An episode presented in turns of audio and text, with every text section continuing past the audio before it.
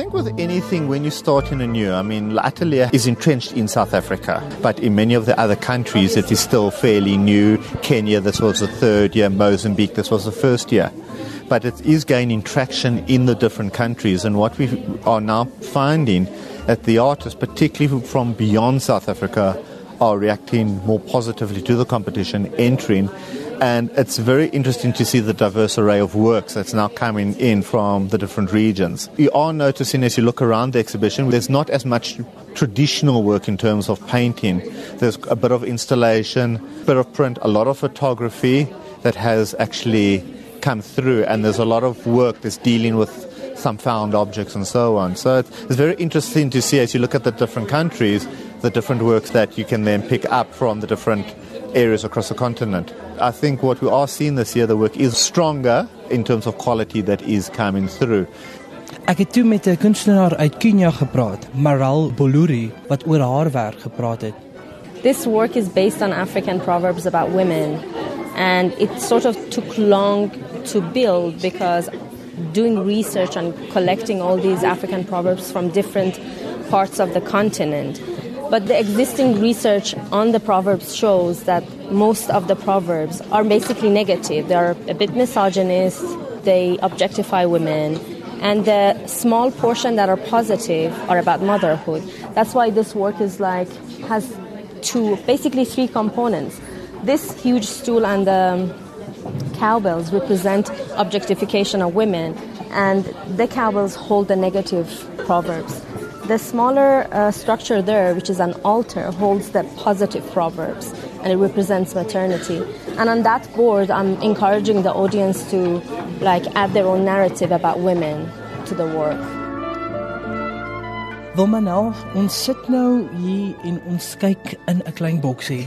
Ja. Dit lyk soos 'n ou tubie. Ja, ja, dit is maar wat dit is. Dit is maar geïnspireer deur my broer wat nie sy toerootjies wou klaar eet nie en dan hulle maar onder die bed weggesteek het.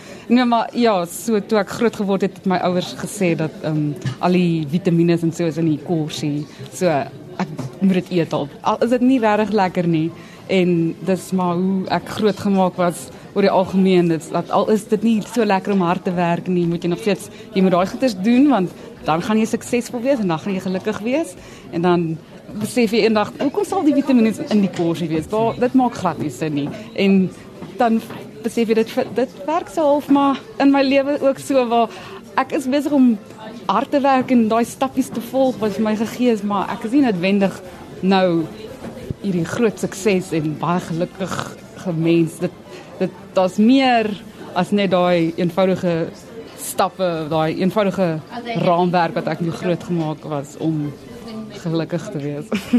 so vertel my oor die ander werke waarmee jy besig is.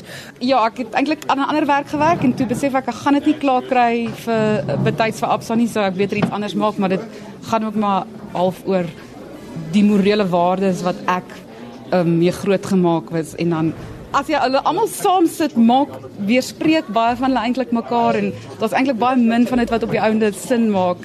So ek probeer maar sin maak uit hierdie morele struktuur wat vir my geskep is deur my ouers en hoe ek nou dit moet vat om te probeer gelukkig en suksesvol wees. Ek praat nou met die kunstenaar Oliver Mayo. Oliver, vertel my oor wat ons hier sien.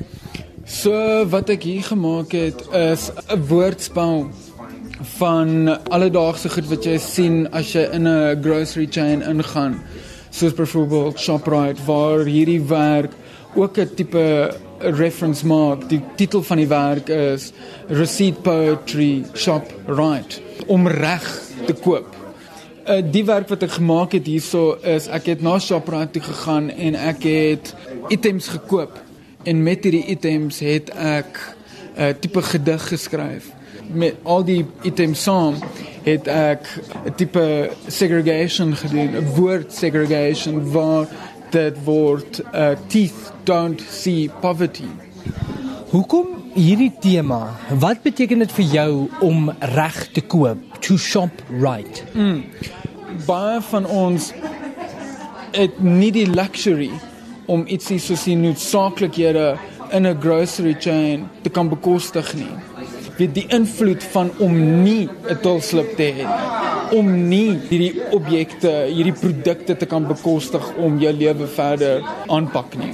Die gedig wat jy toegeskryf het, is dit wat deur die luidspreker gespeel word. Ja, so daar's 'n koneksie tussen die inkoopie mandjie en dan die speaker daarbo waar die inkoopie mandjie is omgedraai en die oorspronklike idee die praktiese waarde van 'n inkopiesbandjie is glad nie meer accessible nie.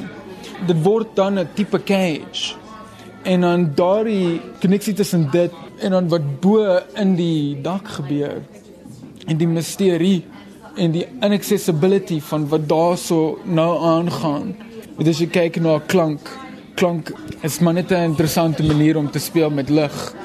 So jy weet dan hoe dit nou 'n impak het met goed wat jy nie kan sien nie, maar wat 'n invloed op jou het.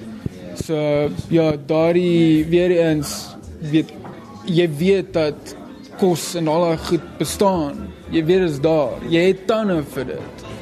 Maar jy kan nie daarby uitkom.